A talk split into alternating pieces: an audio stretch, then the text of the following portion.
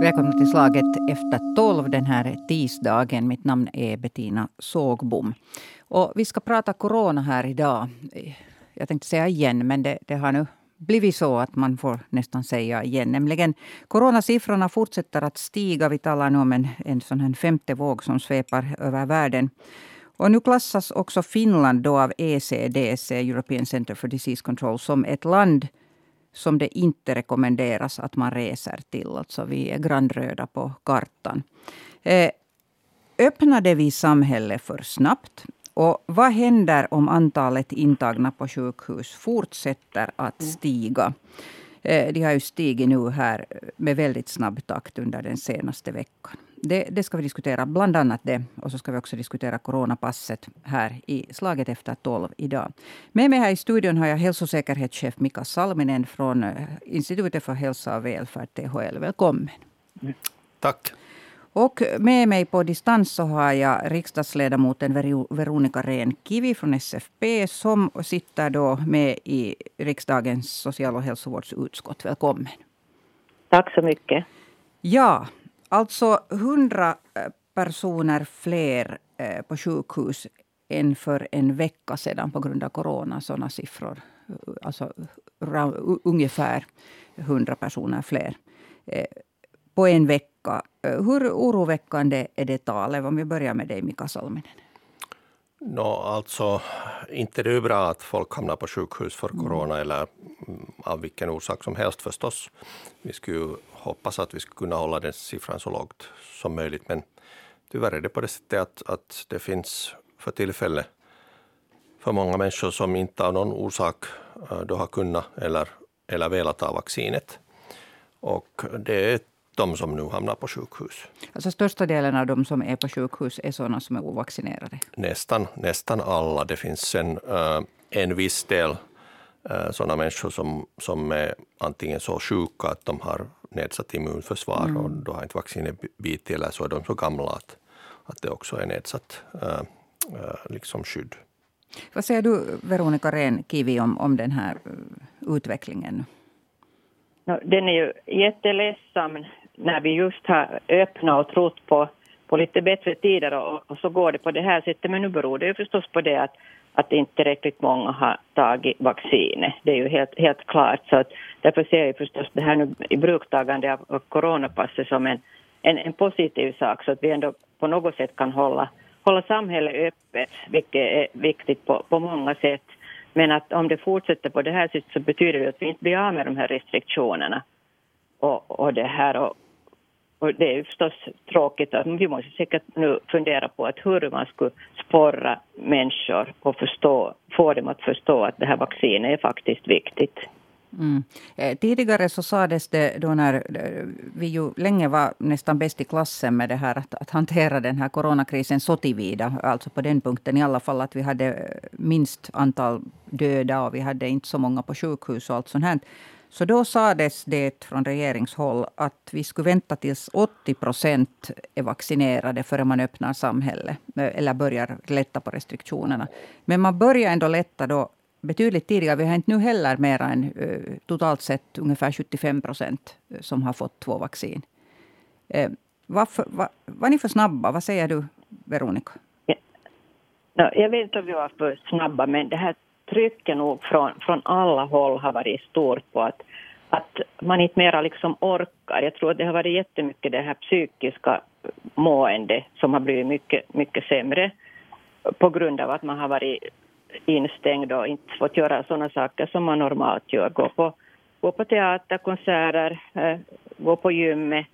Äh, ungdomarnas mentala hälsa är, är, har försämrats jättemycket.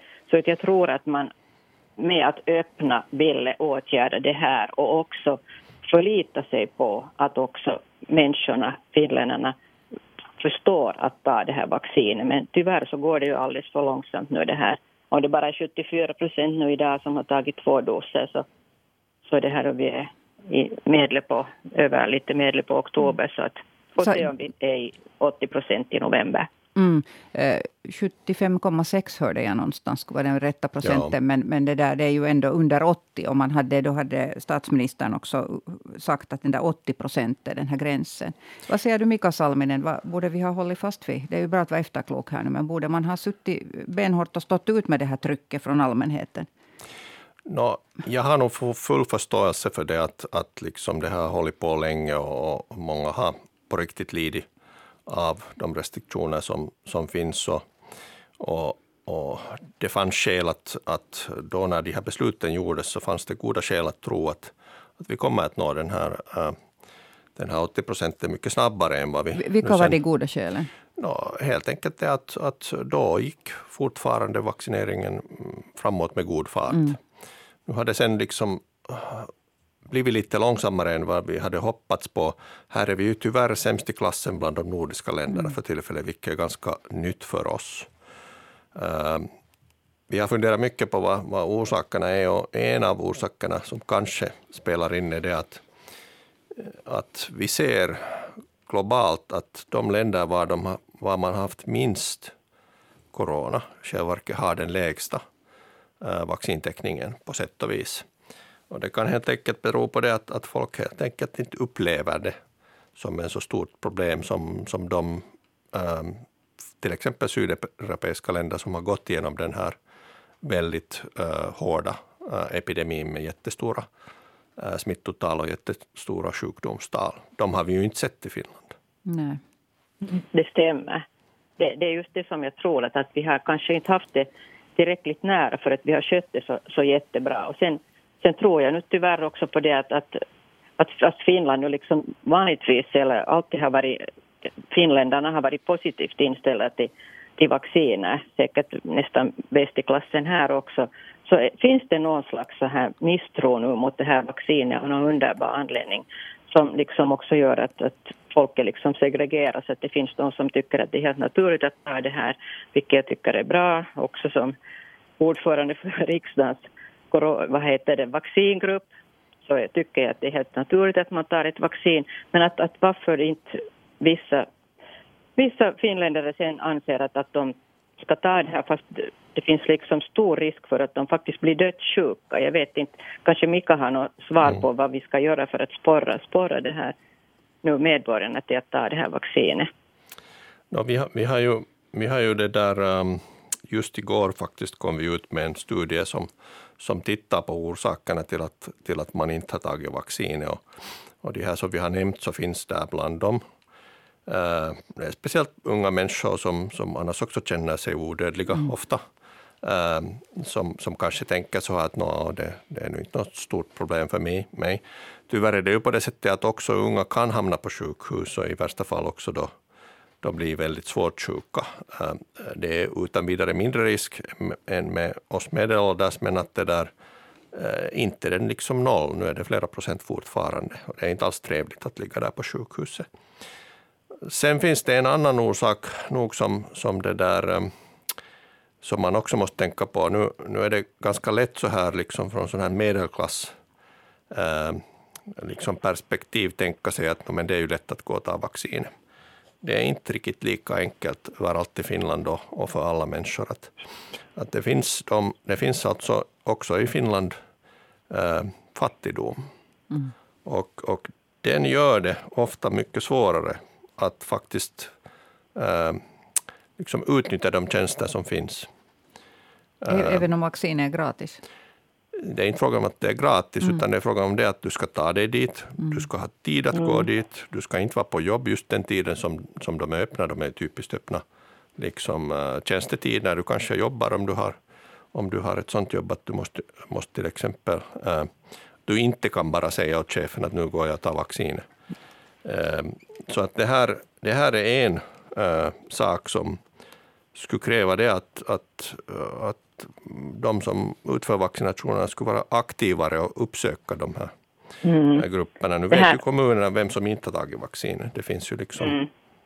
nog... Uh... Det här har jag också funderat på. Mm. Att när man nu har haft den här smittspårningen så skulle man nu kunna liksom spåra istället de som, som inte har tagit vaccinet och vänligen ringa till dem och förklara och, och diskutera och fråga vad är det som oroar dem och varför de, de inte skulle vilja ta det. Att man kanske säkert skulle få nå och också få betydligt ja. fler att, att ta vaccin om man skulle vara liksom på det sättet aktiv. Precis, och, och sen fast liksom erbjuda att okej okay, att vi kommer dit då när du har tid att, att ge mm. vaccin. Mm. Precis. Snart måste vi nog börja med sådana här åtgärder för att om inte nu går snabbare framåt den här, den här procenten så, så det här tycker jag att det är jätteviktigt. No, nu har ju, eh, vi är ju inte de enda som nu är liksom på det sättet i blåsten här med, med stigande sådana eh, smittotal, eh, antal smittade. Till exempel Estland så har nu varit idag och igår på tapeten eftersom de nu planerar, de, de ska ha en ny lockdown nu och med, med distansundervisning och alltihop från och med torsdag. För att, att, Estland också, jag, jag hörde om, om Latvien men att det där... Jag tyckte de talade om, okej okay, jag kanske blandar, jag kanske blandar men, ja. men hur som helst. Och Ryssland ja. har ju riktigt hemskt nu. Men... Ja, ja. men där är, där är vaccinationstalet ju jättelågt som vi just hörde ja. i, i nyheterna. Men, men okej, okay, uh, Lettland. Lettland mm. alltså det där, um, ja de har ju Alltså när vi tittar på de här europeiska länderna så, så går det helt hand i hand att de som har den lägsta vaccintäckningen har också den högsta smittotalet. Mm. Att det, det, kommer vi inte ifrån. Att, att inte vi i Finland ännu på något vis liksom på hög, hög nivå jämfört med, med andra europeiska länder. Uh, vi hör till den lägre klassen fortfarande. Uh, men däremot så de som inte har tagit vaccineringen, om man tittar på de här incidenstalen som, som är det som används när man jämför länderna, så vi ligger där på 140. Um, och det är liksom i den, den lägre klassen ändå i Finland. Men de som inte har tagit vaccin, vaccinationen så, så är det 700. Mm. Och förklara ännu vad incidenstal är. Så no, det, beror, ja. det, det, betyder helt enkelt att hur många äh, nya smittor på två veckor har uppkommit bland den liksom befolkningsgruppen. Och vi vet mm. ju hur många som är ovaccinerade. Vi vet som, Men då är det 140 per hur många invånare? Per 100 000 mm. äh, invånare, mm. som, som sagt. Ja, för det här är sådana uttryck som vi svänger och slänger oss med. Och jag tror mm. fortfarande att många människor inte alls vet vad det ja. egentligen Nej, det, betyder. I praktiken, bety gör man det. Mm. Ja, mm. praktiken betyder ju det att, att, att du har 20 gånger större chans att, att hamna på sjukhus om du är ovaccinerad. Och du har ungefär 10 gånger så stor chans att, att få smittan om du är ovaccinerad för tillfället. Mm. No. Det här är ju siffror som borde tala för sig, tycker mm. jag. Nu, nu har, har, ju, har ju Danmark kommit så långt till exempel, fast Danmark hade en helt annan linje från början, eller de hade andra åtgärder från början också. Men de har nu tagit ett sådant beslut att, att alla medborgare ska kallas för en tredje dos vaccin. Att så pass långt har de kommit och, och de är intröda på den här europeiska kartan just nu över att där går det ganska bra. Men, men om vi tar kort den diskussionen, vad säger du Mika Salminen om den åtgärden? No, det här är ju en diskussion som kommer i alla länder förstås förr eller senare och, och, och har ju pågått redan i Finland också. Vi har ju mm. redan gjort tidigare beslutet att de som, som har fått den här väldigt korta intervallen mellan, mellan vaccinerna ska vaccineras. Uh, och också uh, de som är, har försvagat immunförsvar. och sen också de som sköter då, patienter på sjukhus, för de fick också den här kortare intervallen. Eh, så det är beslutat eh, och nu här i dagarna, kanske redan idag, så kommer då alltså THU ut med, med följande rekommendation. Men att jag har det nu inte framför mig här så jag, jag kan inte ännu säga så exakt vad det är. Jag får inte den nyheten i den här Nej, tyvärr, sändningen idag. Tyvärr, okay. det kommer här så småningom. Ja. Eh, du. Veronica Renkivi, som själv påpekar att du också är ordförande för riksdagens vaccingrupp. Vad, vad tänker du om det här? Jag, jag jag har blivit tillfrågad om det här tidigare. Då har jag liksom lite tänkt att ska vi nu faktiskt eh, vaccinera alla finländare med tredje dos när inte ens alla världens människor har fått ens den första. Jag kommer lite den aspekten in, men, men jag förstår det bra nog med tanken just på de som är äldre och har kanske fått sin andra spruta redan i början på, på våren och, och sådana med, med det här sämre immunförsvar. Så nu, det är helt klart att, att vi ska, de ska ha möjlighet att få den här tredje tredje det här vaccindosen. Men att sen måste vi säkert börja och, och se. Jag har förstått nog att Finland har köpt in så mycket vacciner att det räcker för en, med en tredje dos åt alla. Men att det här, att ska vi faktiskt använda den så det är jag inte helt säker på. Men det är väl inte så enkelt heller att okej okay, att vi använder inte den, vad gör vi då med den? Det, det är väl inte så ja, bara att köpa, köpa iväg den om den ska förvaras i minus 70 grader eller hur det var åtminstone Pfizers vaccin. Det här vet säkert Mika bättre, ja. men, att det, men det här, det, nu, det är klart att den kommer ju sen kallt och, och för kallt, men att den har mm. ju bara en, en viss tid som den, den är det här OK, så att det är klart det är också en fråga. Ja, alltså om inte vi skulle använda allt det som vi så att säga har, har förhandsbeställt så, så finns det nog mekanismer att använda det sen liksom annanstans i världen. Okay. Att det, är inte, det är inte ett stort problem, men att, men att det som ändå är liksom viktigt nu att säga att fortfarande så ser vi inte tecken i Finland på att, på att de, de doser som skulle ha getts skulle börja tryta. Utan det här är på sätt och vis försiktighetsåtgärder som, som inte baseras... Inte ens hos de här som blev först vaccinerade? Ja, inte egentligen. Ja. Nej. Okay. Det där, alltså du menar att effekten inte har visat sig avta på det sättet? Inte så mycket Nej. att det skulle liksom påverka uh, vårt smittotal att, eller att, att, att, att folk skulle få bli liksom mera sjuka än vi hade väntat oss med tanke mm. på vad vi vet om hur vaccinet fungerar. Så att, så att, och här har vi också haft liksom skydd av det att, att den största delen av befolkningen är då vaccinerad med det här längre uh, intervallet. Uh, som betyder det att, att det har gått kortare tid från, från det att de flesta har fått sin andra dos. Mm. Mm. Eh, det där, eh, jag funderar ännu när vi talar om Danmark, så nu ska jag väl komma in på det här med, med det här coronapasset. Nämligen, ehm, jag var själv i Danmark tidigt den här sommaren och blev djupt imponerad av deras det här ehm, testfaciliteter som de hade överallt, som det inte kostar någonting, inte ens för oss utlänningar, att gå in och ta ett, ett antigentest som vi fick svar på på 10-15 minuter. Plingade i telefonen och så hade man fått en sån här um, QR-kod, alltså en sån här som mm. man kunde då visa. Den här mm. QR-koden funkar sen som ett, eh, en nyckel. Så uh, till exempel skulle man gå på museum så visar man bara från telefonen sin QR-kod och så öppnades porten och så fick man gå på museum. Mm. Uh, annars fick man inte gå in där. Inga danskar tycktes tycka att det här var hemskt inkräktande på deras, åtminstone har jag inte hört, sett den diskussionen någonstans på deras rättigheter. Och så råkade jag faktiskt vara där när Danmark spelade fotboll. Och de hade ju jättearena där med jätteskrin och, och, folk fick komma in om de hade den här QR-koden. fick man komma in och, och festa och dricka öl och titta på Danmark på en stor skrin. Varför i fridens dagar, och nu frågar jag dig det här som politisk beslutsfattare, Veronica. Ja. Varför vad, vad, vad, har vi hållit på med här? Nu tar vi i bruket något pass i det här skedet när andra börjar skippa det. Varför, övervägde vi inte ens någonting sånt här briljant system tidigare som skulle ha gjort att en massa ställen skulle kunna hålla öppna? Äh, no, jag vet inte om man har, hur mycket man har övervägt det, men, men som det här jag tycker ju inte att det är för sent att ta det här coronapasset i bruk nu, även om det säkert skulle kunna tas i bruk åtminstone några månader tidigare, menar man på våren eller just Vänta, vänta jag måste lite avbryta det här därför för att alltså jag, jag understryker nu att, att jag talar inte om smittospridningen. Jag talar om det att då skulle alla de här som ni nu har bråkat om, pengarna till, till evenemang och kultur, allt, allt det skulle ha kunnat hållas öppet.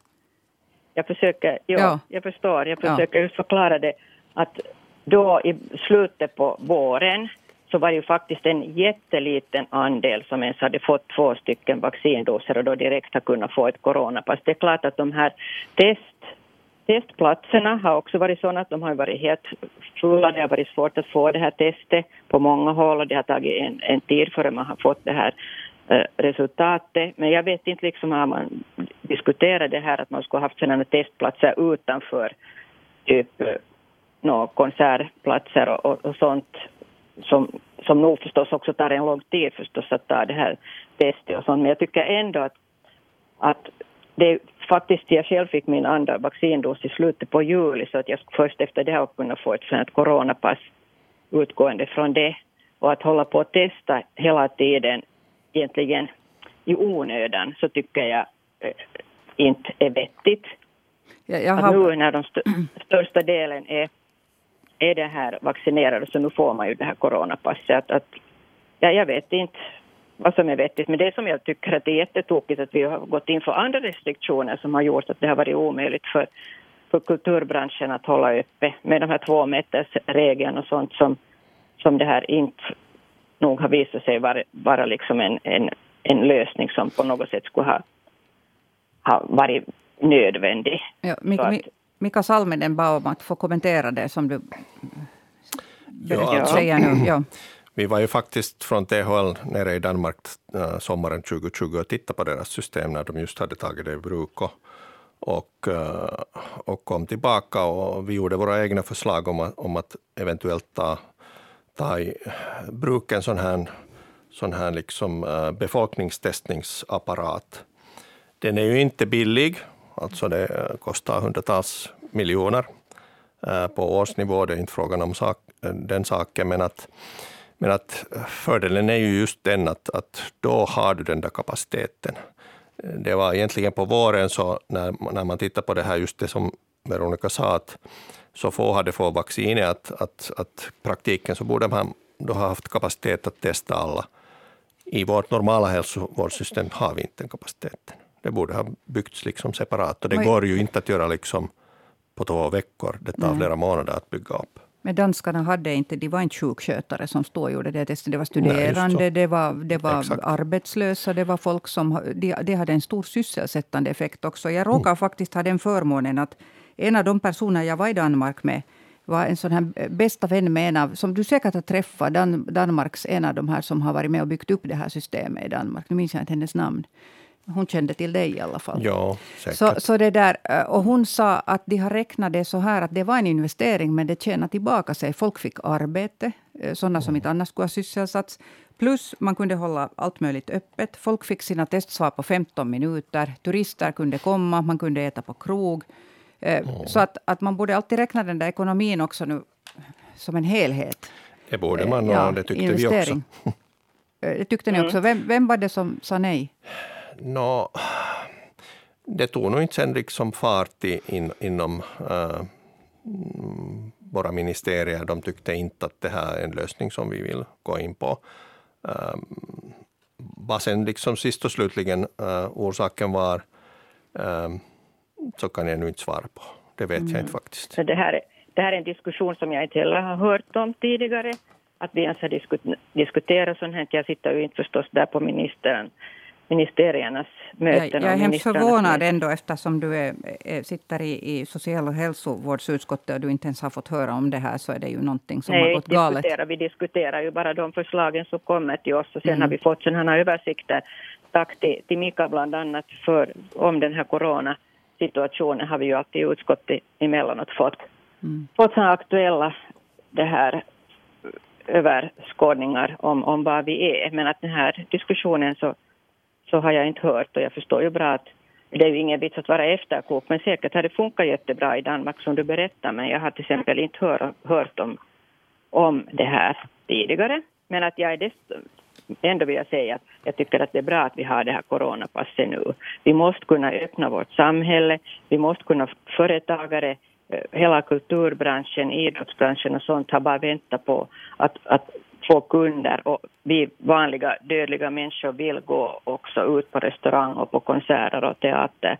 Så att, att nu kan vi göra det. Och, och därför är jag extra ledsen för att det finns då 25 procent av, av Finlands befolkning som egentligen nu beslutar om att hur ska vi fortsätta med det här. Jag menar, skulle vi inte ha restriktioner så skulle vi inte behöva använda något coronapass. Och då skulle det vara helt, då skulle ingen behöva gnälla. Men nu är det tyvärr de som gnäller allra mest över det coronapasset. Det är ju de tyvärr som, som nu gör att, att vi inte kan öppna i och med att de fortsätter att, att få den här smittan och sprida den vidare.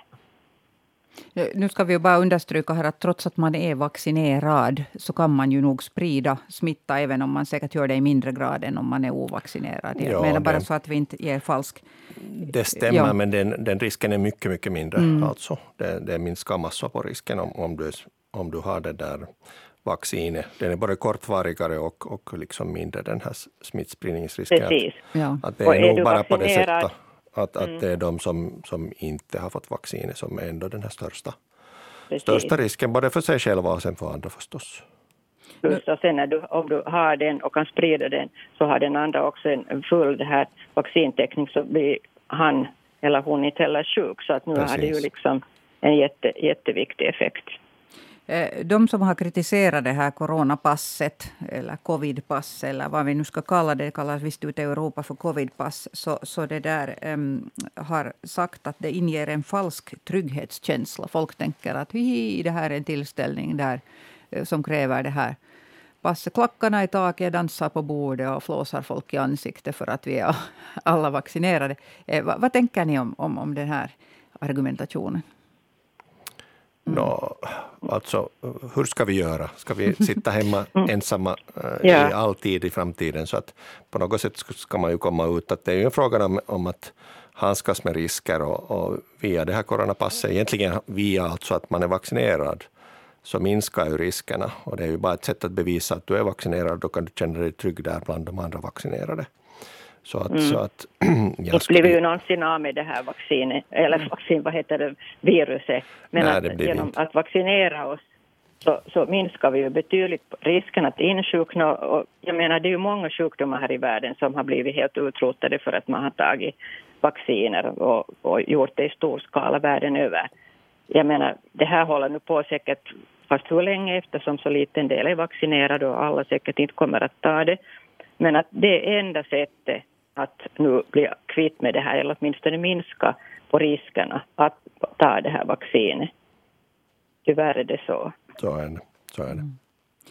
Nå, eh, nu så, som sagt så ser det inte något muntert ut just nu. Och um, sjukvården har redan klagat. Alltså det finns många uh, som har, jobbar inom intensivvården också som har uttalat sig, läkare och, och sjukskötare som har uttalat sig för media och sagt att nu orkar vi inte något mer att det här är jättejobbigt. Och, och det, där, det är ju en signal som man borde ta på allvar. Va, vad ska vi göra? När, när kommer det skede då man måste dra i nödbromsen och med våld få ner det här incidenstalet? Mm.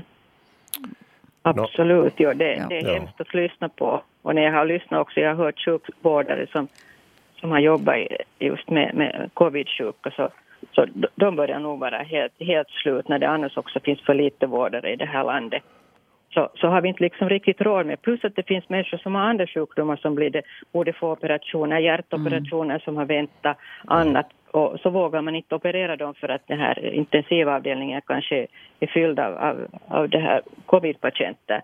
Så att, att någonting måste göras om inte det här snart börjar liksom att gå neråt. Men vad är det här någonting? No, alltså det finns ju planer för en sån här eh, liksom, uh, nödbromsmekanism och då, då hamnar man säkert gå tillbaka till någon slags liksom, uh, vidare restriktioner om, om, om det är det som, som krävs. Sen är det ju en annan sak att, att eftersom det nu är ganska uppenbart att, att själva liksom viruset och den här smittan den försvinner ju inte från världen utan den kommer att komma varje år. Mm.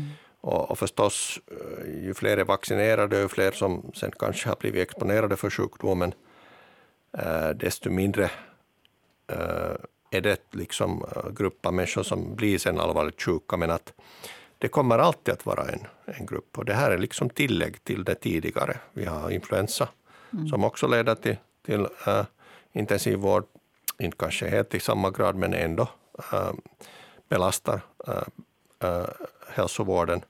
Och nu måste man börja fundera på att har vi liksom kapaciteten liksom på adekvat nivå? Och det här är inte alltså mm. alltså bara Finland utan, utan egentligen hela världen, hela den väst, väst eller ska vi säga Uh, om vi talar nu fast om EU, så, så vi har vi kanske tänkt att, att smittosamma sjukdomar, så det är inte så stort problem mer, att vi sätter resurserna på annat. Mm. Men att nu måste man nog säkert fundera att, hur, att inte kan vi ju ha samma situation varje år. Alltså vi behöver utöka antalet sjukhusplatser och intensivvårdsplatser. Det är det du säger? No, jag är inte någon sjukvårdsresursexpert, liksom, uh, men att, men att de som är så måste fundera på det här. Mm. Vad säger du Veronica? Och det betyder ja. ja. att vi måste få fler som utbildar sig också till ett yrke som är jättetungt och, och dåligt betalt. Så här är det här, det här hela paletten är så stor just nu att, att det här det är svårt att överblicka och förstås ännu svårare att hitta, hitta lösningar. Men, men det här är någonting som, som man nu också i Finland i och med den här eh, social och hälsovårdsreformen försöker åtgärda så att man skulle få de här också vårdkedjorna enhetliga och satsa på förebyggande och allt möjligt sånt som förstås vacciner i allra högsta grad är. Eh, nu är det ju, när vi talar om röster inom sjukvården, så, så där har också höjts röster. Till och med läkare, en del som har sagt att, att de som utsätter sig för smitta, alltså lever som vanligt utan att ha vaccinerat sig, eh, eventuellt att de borde betala sin vård själv eller någonting sånt. Det låter ju som en ganska horribel diskussion överhuvudtaget. Den kommer med jämna mellanrum om andra frågor också. Att, men, men, men vad, mm. Eh, vad tänker ni på den Ja, nu måste man no. sköta, sköta människor, det är inte någon fråga om saken. Mm, det är klart. Det, det då kan man ju dra, måste man ju dra gränser för annat också. Får man, Just det. De som använder alkohol eller röker mm. eller är ja. överviktiga. det var det, det, var det jag syftade till ja, när jag sa att den diskussionen har dykt upp i andra ja. sammanhang också. Ja, men du, du håller med Mika här? Ja, absolut. Mm. No, Så är det. Om, om jag som, som vanlig medborgare här nu tänker så här, när vi har talat om det här incidenstalet, och det är nu kring, för alla finländare då kring 140, och för de som är ovaccinerade så är det 700. Så, är det, ja. så var går smärtgränsen före den här nödbromsen tas i bruk? Det kommer just, just därifrån från hälsovården, att då när det börjar se ut så att, att uh, hälsovården i stor grad måste börja skjuta på annan vård. Men det gör det ju redan. Nå, de är nära Mm. Det är mm. nu inte ännu, ännu riktigt så illa. Eh, de, de flyttar på patienter lite från ort till ort. Eh, så där kommer förstås gränsen sen emot att, att, att hur länge skjuter vi på vården? Kan vi göra det temporärt? Är det en längre tid? Där, där går gränserna sen. Mm. Det här, det. det här spårande och testande som vi höll på med i början och, och försökte eh, komma ikapp, det har vi ju gett tydligen upp helt och hållet. Inte har vi gett upp det, men att det där eh, det som vi ser att i den här situationen så, så liksom, äh, är det inte möjligt att, att spåra alla. Och det betyder det att också de där vi kan ha en liksom inverkan så blir utan att de, de får den här liksom tjänsten att, att nu spåras de som man, som man vet att man kan nå och kan, kan liksom, äh, få stopp mm. på de här kedjorna. Att, att resurserna sätts dit var det är effektivast, att det inte bara så att säga görs därför för att man ska kunna säga att det görs, utan, utan de ja. försöker göra det äh, liksom äh, effektivt. Mm. Och säkert, som jag sa här, så måste man säkert myndigheterna, eller just hälsovårdsmyndigheterna börja fundera på i kommuner och annanstans att, att borde man börja och ringa runt till dem faktiskt som, som inte har tagit vaccinet ja. och försöka få dem att förstå att, att det här är, är viktigt med tanke på alla. Det är ju liksom eh, inte bara för en själv som man då gör det här beslutet utan man gör det för ganska många andra också. Ja, och Mika Salminen nämnde här tidigare uppsökande eh, verksamhet. Inte bara så att man ringer, utan att man kanske skulle gå mm. till där folk är och vaccinera dem där. Ja. Ja. Hurdan betydelse har en sån här tanke på fortfarande det här testande? Jag menar till exempel eh, nu, det är ganska dyrt att gå och testa sig. Alltså, det leder till att folk då i så fall ljuger och säger att, att oj, oj, jag har ont i halsen, att nu ska jag testa mig. Då får du gå gratis om du har den sortens symptom. Men men om du bara vill testa dig för att vara säker på att du inte sprider smitta, så ska du betala för det själv. Och det, det, det är inte helt billigt. Ja. De, här, de här snabba testerna är ju billigare. De, de ger väl ändå... Antigentesterna heter ja, det väl? Ja. Det är just de som de hade, hade i bruk i Danmark och de lär ska mm. vara lika precisa som PCR-test. Eller det kanske de är helt hyfsat bra. Att, ja. att, att, som en liksom sån här riskminskningsåtgärd mm. så är de helt bra.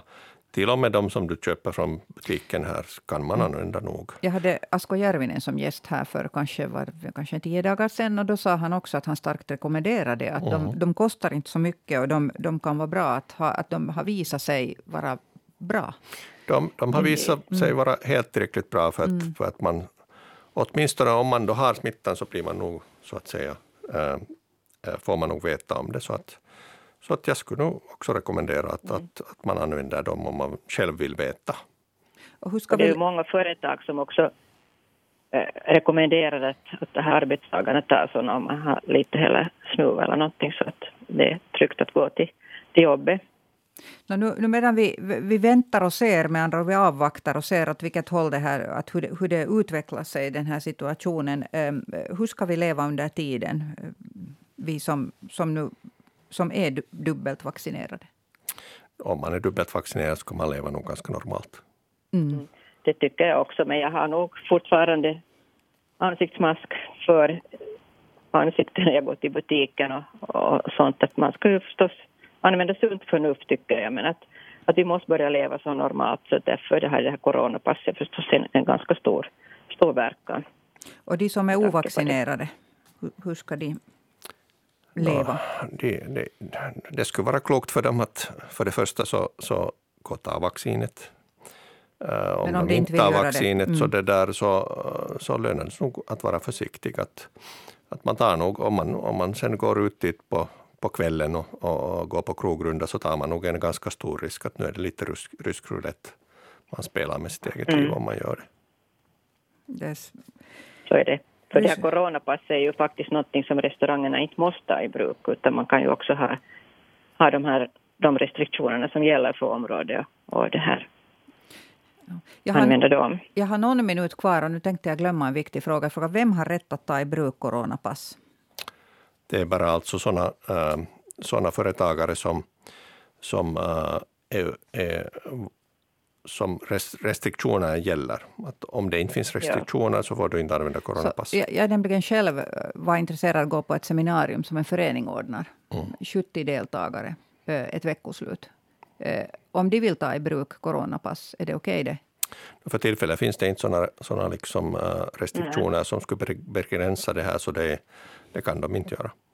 De kan, det är bara sådana det är olagligt. offentliga, är olagligt. publika, okay. publika det här evenemang och restauranger och, och gym och, och, och, och det som, det.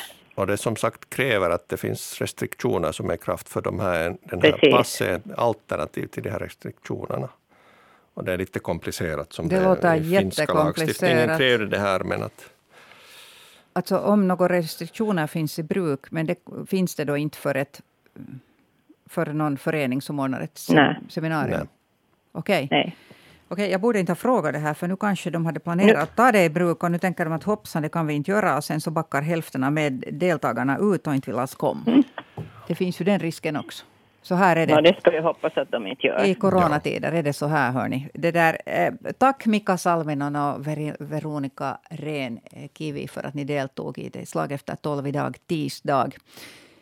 Mitt namn är Bettina Sågbom. Imorgon blir det en ny diskussion, debatt, samma tid, samma kanal. Hej då.